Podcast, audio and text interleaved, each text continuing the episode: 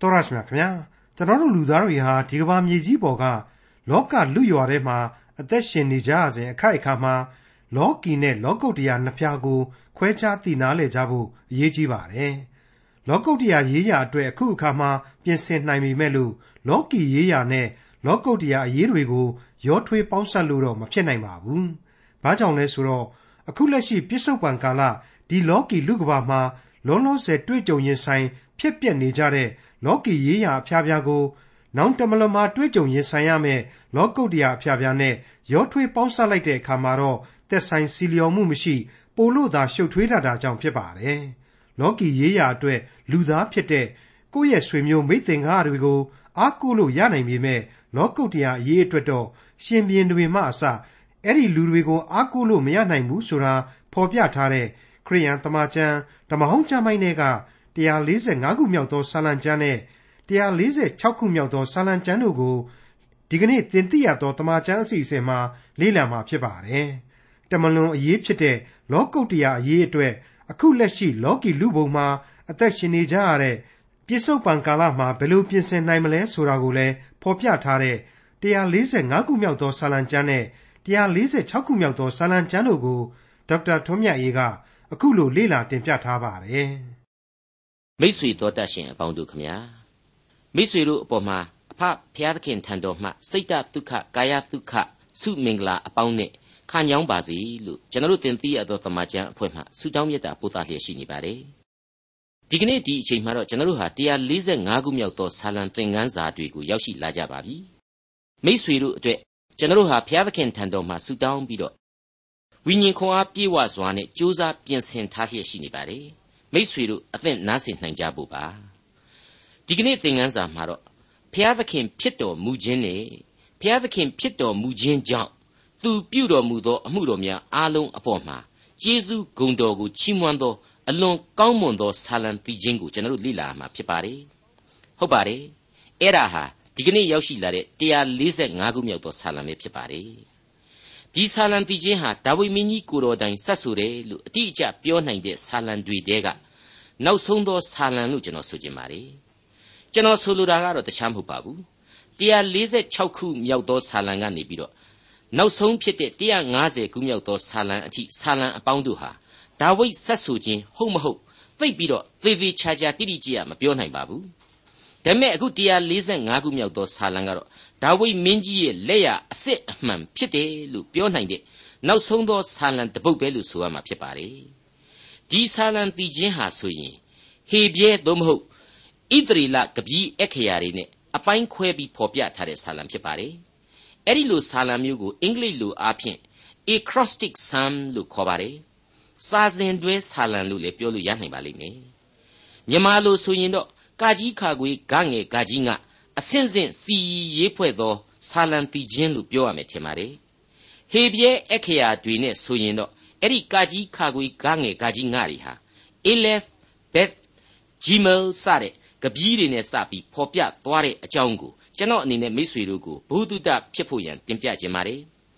ဒီလိုအရေးအဖွဲ့မျိုးကိုအမှန်မှတော့မိษွေတို့လေ့လာခဲ့ကြပြီးပါပြီအလွန်ရှည်လျားတဲ့136ခုမြောက်သောဆာလံတုံးကဆိုရင် ကျွန်တော်အဲ့ဒီလိုပဲစာစဉ်တွဲဆာလံတစ်ခုအဖြစ်မိษွေတို့လေ့လာခဲ့ကြရတယ်ဆိုတာကိုမှတ်မိမယ်လို့ကျွန်တော်ထင်ပါတယ်တခုအင်မတန်အရေးတကြီးထူးခြားနေတဲ့အချက်ကတော့အဲ့ဒီလိုဟေပြဲအခရာစာစဉ်ဟာစုစုပေါင်းအပြည့်အစုံဆိုရင်အခရာ22လုံးရှိရမှာဖြစ်ပါတယ်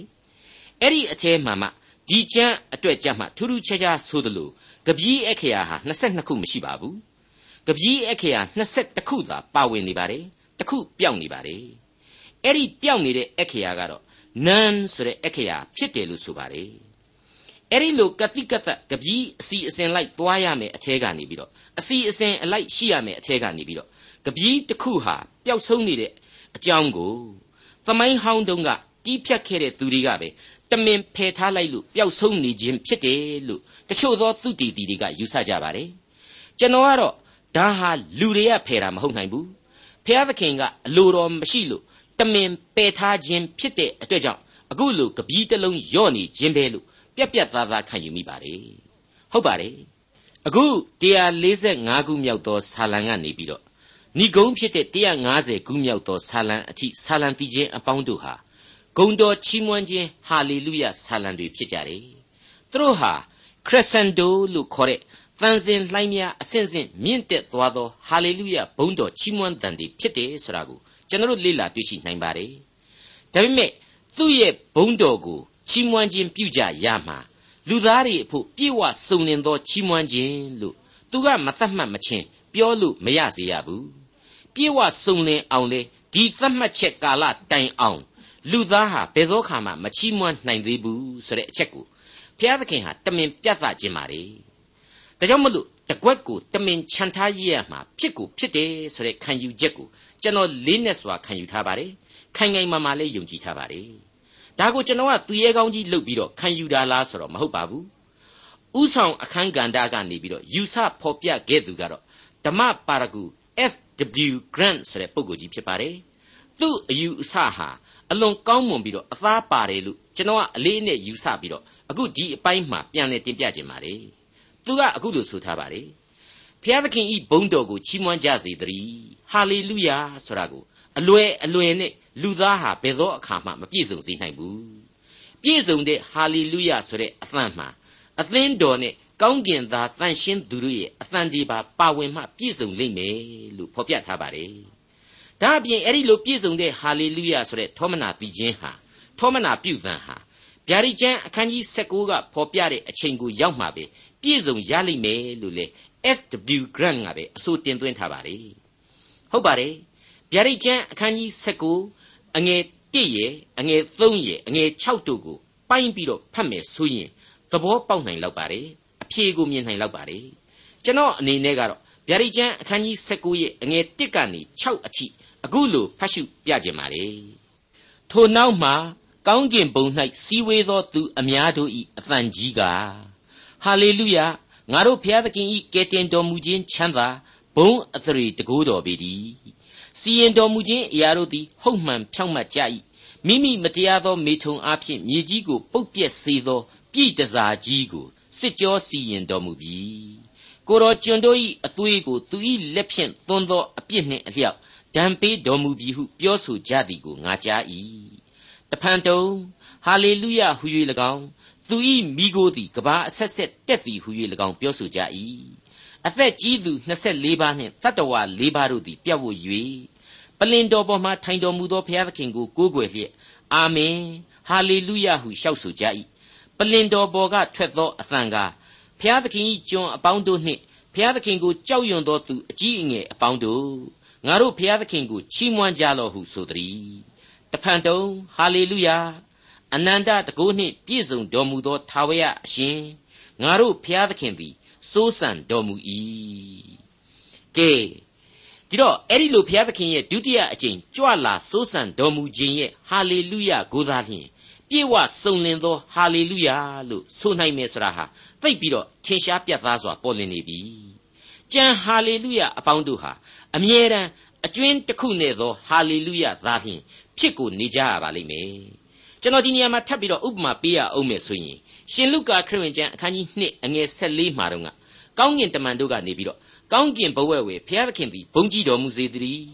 မြေကြီးပေါ်၌လည်းငြိမ်သက်ခြင်းရှိစေတည်းလူတို့အားမေတ္တာကရုဏာရှိစေတည်းဆိုပြီးတော့ဟာလေလုယကြွေးကြော်ခဲ့ကြပါသေးတယ်အဲ့ဒီဟာလေလုယဘုန်းတော်ပွဲကြီးဟာခရစ်တော်ရဲ့မွေးဖွားတော်မူရာကာလအတွက်ဟာလေလုယအဆင့်အတန်းနဲ့အညီကျေးဇူးတော်ချီးမွမ်းခြင်းအသံဖြစ်တယ် ဒါပေမဲ့ပြေဝစုံလင်သောဟာလေလုယမဟုတ်သေးဘူးနိုင်ငံတော်တည်ထောင်ခြင်းဟာလေလုယမဟုတ်နိုင်သေးဘူးဒါကြောင့်မလို့အကျွင်းမဲ့ပြည့်စုံသောဟာလေလုယလို့ဘယ်နည်းနဲ့မှမခံယူနိုင်သေးဘူးလို့ကျွန်တော်မြင်နိုင်ပါတယ်ဟုတ်ပါတယ်ဣသရေလလူမျိုးတော်ရဲ့အခုဆာလံဟာလေလုယတို့ဟာအနာဂတ်ကာလတက္ကာလကုံဆုံးခြင်းဘုရားသခင်နိုင်ငံတော်ကိုတည်ထောင်အုပ်စိုးခြင်းဟာလေလုယအတွက်အလွန်အလွန်အရေးကြီးတဲ့ဟာလေလုယချီးမွမ်းသံတွေဖြစ်နေတယ် ဒါကိုတော့ကျွန်တော်တို့အသေးအချာပြောနိုင်တယ်လက်လဲလက်ကိုခံရလိမ့်မယ်ဒါပေမဲ့မပြည့်စုံနိုင်သေးဘူးတကွက်တော့ခြံကိုခြံရရမှာဖြစ်တယ်ဒါကြောင့်မလို့အခု145ခုမြောက်သောဆာလံမှာနန်းဆိုတဲ့ဟေပြဲအခရာနဲ့ဟာလေလုယချီးမွမ်းခြင်းအပိုင်းတစ်ခုကိုဘုရားသခင်တမင်ချန်လှပ်ထားခဲ့ပါတယ်145ခုမြောက်သောဆာလံအငယ်1မှ9အကျွန်ုပ်ဤရှင်ဘရင်အကျွန်ုပ်ဤဖျားသခင် ကိုတော်ကိုချီးမြှောက်ပါမည်ကဘာအဆက်ဆက်နာမတော်ကိုကောင်းကြီးပေးပါမည်ကိုတော်ကိုနေတိုင်းအစဉ်ကောင်းကြီးပေးပါမည်နာမတော်ကိုကဘာအဆက်ဆက်ချီးမွမ်းပါမည်ထာဝရဘုရားသည်ကြီးမြတ်၍အလွန်ချီးမွမ်းပွေဖြစ်တော်မူ၏ကြီးမြတ်တော်မူခြင်းကိုစစ်၍မကုန်နိုင်အမှုတော်တို့ကိုလူမျိုးအဆက်ဆက်တို့သည်ချီးမွမ်း၍တကိုးတော်များကိုဟောပြောကြပါလိမ့်မည်အကျွန်ုပ်သည်လည်းဘုံတကိုးအာနုဘော်တော်ကို၎င်းအံ့ပွေသောအမှုတော်တို့ကို၎င်းမွဲ့ဆိုပါမည် သူတို့သည်ကြောက်မဲ့ဖွယ်သောအမှုတော်တို့၌ပါသောတကိုးကိုမွဲ့ဆို၍အကျွန်ုပ်သည်လည်းကြီးမြတ်တော်မူခြင်းအကြောင်းကိုကြားပြောပါမည်သူတို့သည်အလွန်ကောင်းမြတ်တော်မူခြင်းကိုအောက်မေ့ဖို့ရာမွဲ့ဆို၍ဖြောင့်မတ်တော်မူခြင်းအရာကိုရှင်လန်းစွာသိခြင်းဆိုကြပါလိမ့်မည်နေ့တိုင်းအစဉ်တဲ့ဘလောက်ကောင်းတဲ့ဖော်ကျူးချက်လေဟုတ်ပါတယ်တိကြီးမြတ်၍ချီးမွမ်းပွေဖြစ်တော်မူတယ်နှစ်အံ့ဩပွေဖြစ်တယ်သုံး ကြောက်မဲ့ဖွယ်ဖြစ်တယ်လေးဖြောင့်မတ်တော်မူတယ်တဲ့ဒါကြောင့်မလို့အဲ့ဒီအတိုင်းပဲနေ့တိုင်းအစဉ်ချီးမွမ်းကြရလိမ့်မယ်အဲ့ဒီနေ့တိုင်းအစဉ်ဟာဘလောက်အထိရှေ့ကြရမလဲဆိုတာကိုမိษွေတို့စဉ်းစားမိရဲ့လားတိလူတွေအဆက်ဆက်နေတိုင်းအစဉ်ချီးမွမ်းရင်းနဲ့ကဘာအဆက်ဆက်တိုင်အောင်ဖြစ်တယ်တဲ့နှစ်လူမျိုးအဆက်ဆက်တို့တိုင်အောင်ဖြစ်တယ်တဲ့ရှင်းနေတာပဲမဟုတ်ဘူးလား 145ခုမြောက်သောဆာလံအငယ်8မှ7ထာဝရဘုရားသည်ကျေးဇူးပြုတတ်သောသဘောသနာစုံမဲ့တတ်သောသဘောနှင့်ပြည့်စုံ၍ခန္တီတော်နှင့်ဂိယုနာတော်သည်အလွန်ကြွယ်ဝပါ၏ထာဝရဘုရားသည်ခတ်သိမ်းသောသူတို့အားကျေးဇူးပြုကျင်သောသဘောရှိ၍ဖန်ဆင်းတော်မူသမျှတို့ကိုသနာစုံမဲ့တော်မူ၏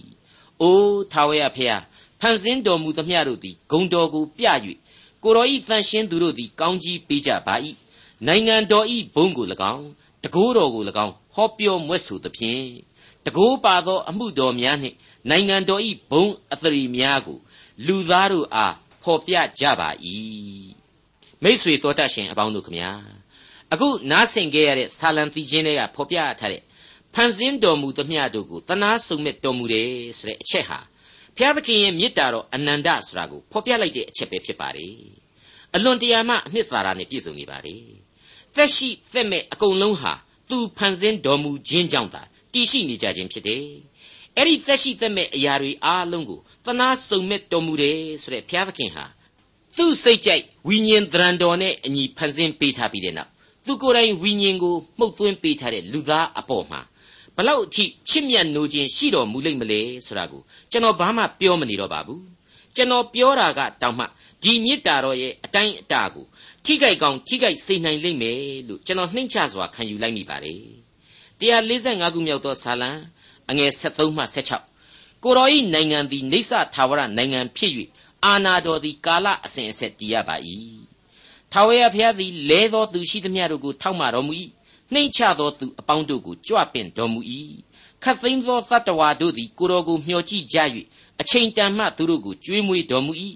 လက်တော်ကိုဖွင့်၍ အသက်ရှင်သောတတ္တဝါအပေါင်းတို့ကိုရောင်ရဲစေတော်မူ၏ဖန်ဆင်းတော်မူခြင်းမတိုင်မီအချိန်ကာလမှာဘယ်ကဘာတွေရှိခဲ့တယ်ဘယ်သမိုင်းစဉ်တွေရှိခဲ့တယ်ဆိုတာကိုကျွန်တော်တို့ကိုဘုရားသခင်သိခွင့်မပေးတဲ့အတွက်ကြောင့်ကျွန်တော်တို့ဘာဆိုဘာမှမသိခဲ့ရပါဘူးအဲ့ဒီလိုပါပဲအခုဖန်ဆင်းထားတော်မူသောကဘာရဲ့အဆုံးမှာနောက်ထပ်ဘယ်ကဘာကူများသူတီလေအောင်မလဲဆိုတာကိုလေသူဖွင့်မပြောပါဘူးသိခွင့်ပေးမထားပါဘူး ကျွန်တော်ကိုသူသိခွင့်ပေးထားတာကတော့ကဘာအဆက်ဆက်လူမျိုးအဆက်ဆက်သူ့ကိုကိုးကွယ်ကြရလိမ့်မယ်ချီးမွမ်းထောမနာပြုကြရလိမ့်မယ်ဘာဖြစ်လို့လဲဆိုရင်သူဟာနေဆသာဝရဘုရားသခင်ဖြစ်နေတယ်ဆိုတဲ့အချက်ကိုပါပဲအံ့ဩဖို့မကောင်းဘူးလားမိษွေတော်တတ်ရှင်အပေါင်းတို့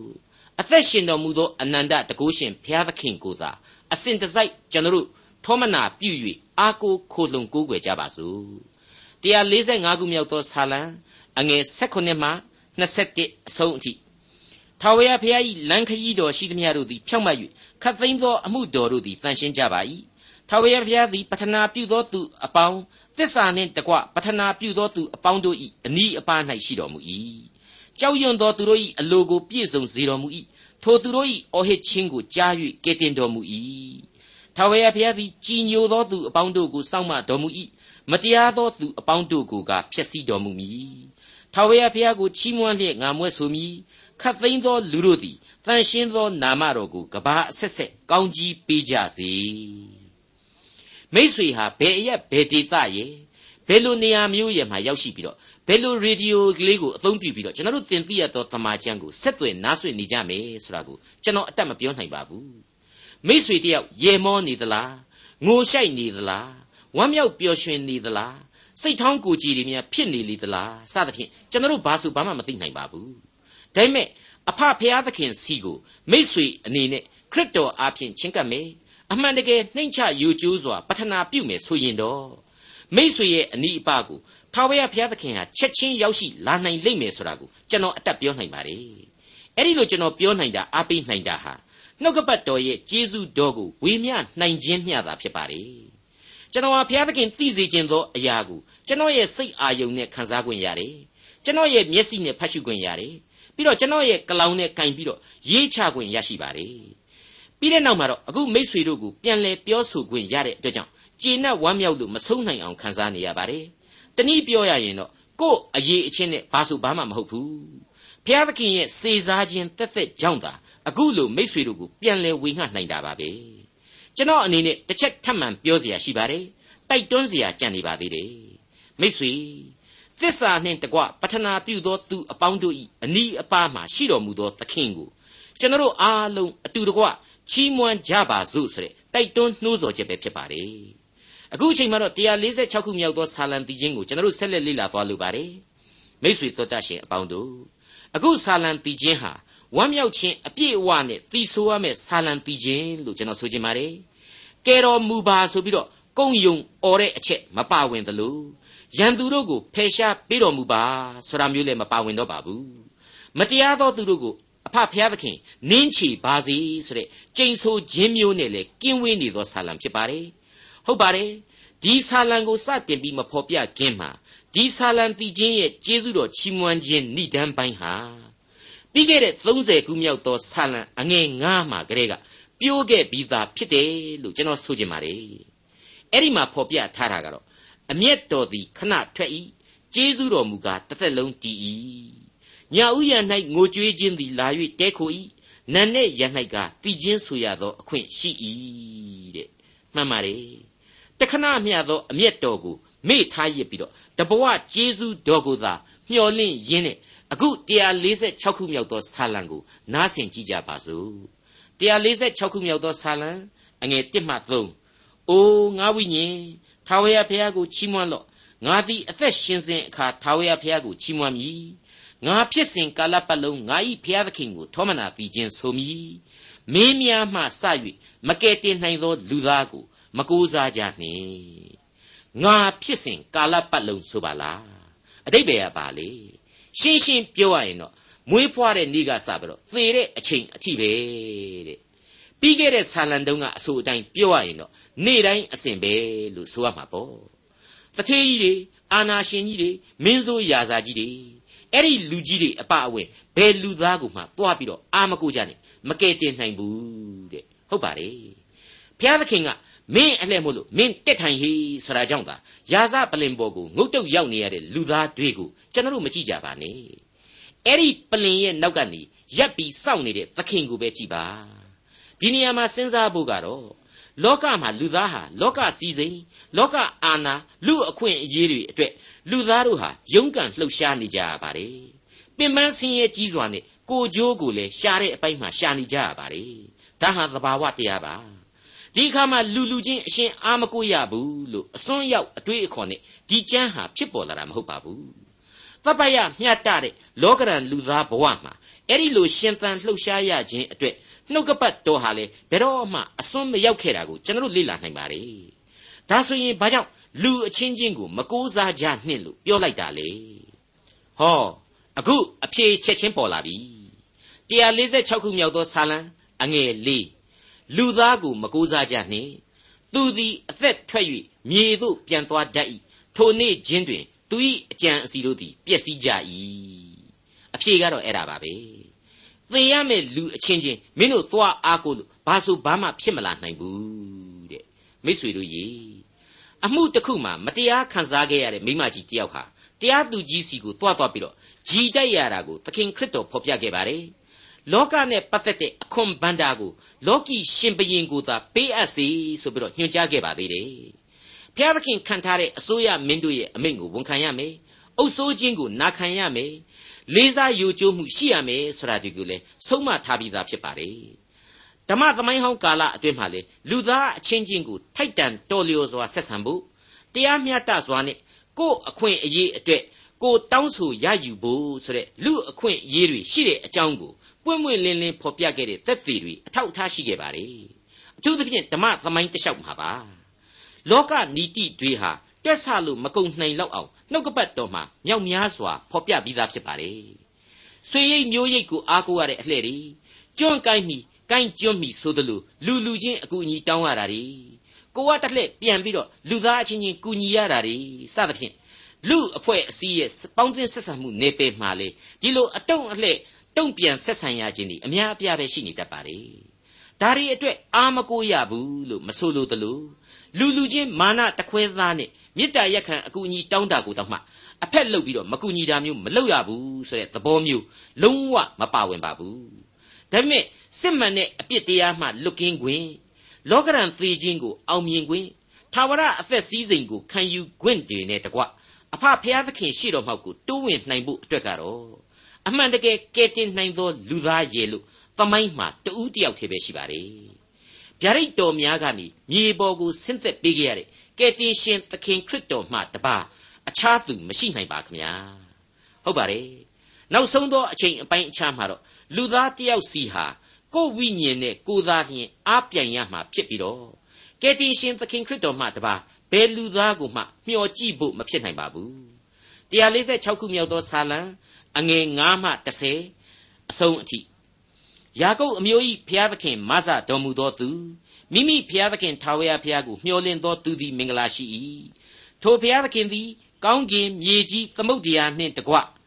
အရရ၌ရှိသမျှကိုဖန်ဆင်းတော်မူ၏သစ္စာတော်ကိုအစဉ်အမြဲစောင့်တော်မူ၏ညှင်းဆဲခြင်းကိုခံရသောသူတို့အားတရားပြုတော်မူ၏ငတ်မွတ်သောသူတို့ကိုကြွေးမွေးတော်မူ၏ထာဝရဘုရားသည်ချုပ်ထားခြင်းကိုခံရသောသူတို့ကိုလွှတ်တော်မူ၏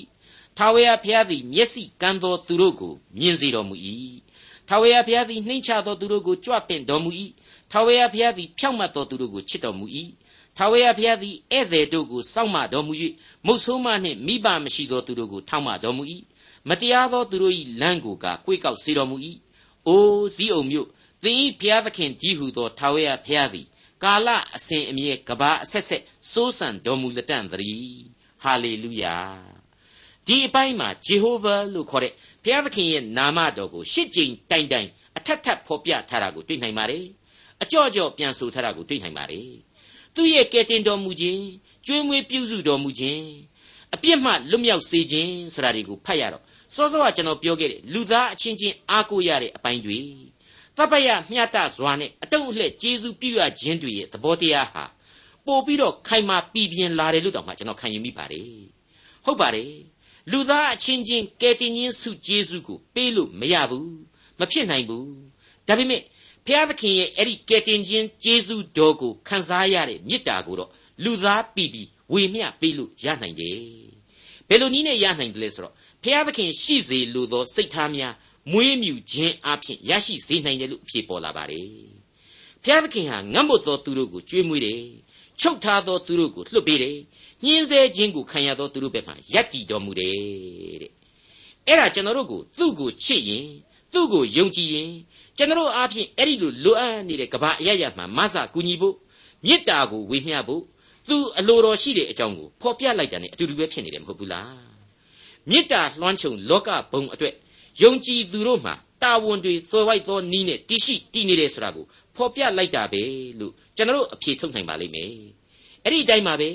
ဧည့်သည်တွေကိုမဆတော်မူတယ်မုတ်ဆိုးမနဲ့မိဘမရှိတဲ့သူတွေကိုကုညီထောက်မတော်မူတယ်ဆိုတာတွေကလေလူအချင်းချင်းကြားတဲ့ကနေဘုရားသခင်ပြုတော်မူသောကျေးဇူးတော်များသာဖြစ်တယ်လို့ကျွန်တော်လေးနဲ့စွာအတိတ်ပဲပြန်ဆိုပြရစီဒီအချက်တွေဟာဘုရားသခင်ရဲ့မျက်နှာတော်အလင်းကိုမိမိမှတဆင့်ဆောင်ကျင်းပြီးတော့လူသားအချင်းချင်းပြုသင့်ပြုလိုက်တဲ့ပြည်သူနီတိတွေကိုဖြစ်စေတာပဲမဟုတ်ဘူးလားမိษွေအပေါင်းတို့ဟာလေလုယကျေးဇူးတော်ကိုချီးမွမ်းကြဆိုတဲ့ အခု146ခုမြောက်သောဆာလံဖီခြင်းဟာပြုတော်မူသောကယ်တင်တော်မူခြင်းကျေးဇူးတော်တို့နဲ့အတူမြေကြီးပြင်ဤတင့်တယ်ခြင်းမိုးကောင်းခြင်းဤလှပခြင်းမွေးဖွားနေမှဂုတိုင်အောင်လွှမ်းမိုးထားသောမေတ္တာတွေကိုတော်အားဤတည်ခြင်းဖြင့်ချီးမြှောက်သံများလွှင့်ဆိုပြီးဆိုတဲ့ဓမ္မတခြင်းကိုကျွန်တော်တစ်ဆက်တစ်ဆက်တည်းအောက်မေ့သတိရအောင်လို့တိုက်တွန်းအားပေးလိုက်ပါတယ်အဲ့ဒီတေးသခြင်းဟာဓမ္မတည်ခြင်းအမှတ်စဉ်61မှာကြည့်ရင် for the beauty of the earth ဆိုပြီးတော့တွေ့ရတဲ့တေးဖြစ်ပါတယ်မိษွေတို့အနေနဲ့တက်ဆိုင်ရာမိမိတို့တိုင်းရင်းသားဘာသာစကားများနဲ့သီဆိုကြည့်ကြပါရန်ကျွန်တော်တိုက်တွန်းအားပေးပါရစေအဲ့ဒီတည်ခြင်းတဲကတတိယအပိုက်မှာကြည့်လိုက်ရင်လူတို့ဤချစ်ချင်းမေတ္တာမောင်နှမအကိုမိပါအောက်ရမိတ်ဆွေထက်မိတ်ဆွေကျင်နာသိမ်မွေ့စိတ်ထားအတွက်ကိုတော်အားဤတည်ခြင်းဖြင့်ချီးမြှောက်သံများလွှင့်ဆိုပြီးဆိုပြီးတော့တွေ့နိုင်ပါလိမ့်မယ်အပြစ်လူပုံခန်းဝါဟာ သာရောက်သာယာဖြစ်စေဖို့ဘုရားသခင်ကောင်းကြီးပေးထားတဲ့လောကယာယီတဲတာဖြစ်ပါတယ်နေသာထိုင်သာရှိစေဖို့ရန်အတွက်လေသူ့ရဲ့ကျေးဇူးတော်များနဲ့ကျွန်တော်ရဲ့ပတ်ဝန်းကျင်မှာဘုရားသခင်ဟာထုံပွန့်ထားလျက်ရှိနေပါတယ်ဖြည့်ဆည်းထားလျက်ရှိနေပါတယ်ယာယီတဲလို့ကျွန်တော်ပြောခဲ့ပါတယ်နော်ယာယီတဲဆိုတဲ့အတိုင်းမြဲတော့မမြဲဘူးဒါပေမဲ့အဲ့ဒီသင်္ခါရနေ့ရဲ့တွေးဟာငိုကြွေးမြည်တမ်းနေဖို့မဟုတ်ဘူးကြောက်လန့်နေဖို့လည်းမဟုတ်ဘူးကျိန်ဆဲနေဖို့လည်းမဟုတ်ဘူး ရှောင်တိန်ထွက်ပြေးဖို့လည်းမဟုတ်ပါဘူးဒါကိုဆာလံဆရာဟာပြတ်သားစွာဖွင့်ဆိုလိုက်ခြင်းပဲဖြစ်ပါတယ်သင်ဤဖျားသခင်ဒီဟုသောထာဝရဖျားသည်ကာလအစဉ်အမြဲကဘာအဆက်ဆက်စိုးစံတော်မူလက်တန်တည်းဟာလေလုယာဒေါက်တာထွန်းမြတ်၏စီစဉ်တင်ဆက်တဲ့တင်ပြတော်တမချန်းအစီအစဉ်ဖြစ်ပါတယ်နောက်တစ်ချိန်အစီအစဉ်မှာခရိယန်တမချန်းဓမ္မဟောင်းကျမ်းပိုင်းမှာပါရှိတဲ့148ခုမြောက်သောဆာလံကျမ်းနဲ့ 148 ခုမြောက်သောဆာလံကျမ်းတို့ကို လေ့လာမှဖြစ်တဲ့အတွက် စောင့်မျှော်နားဆင်နိုင်ပါတယ်။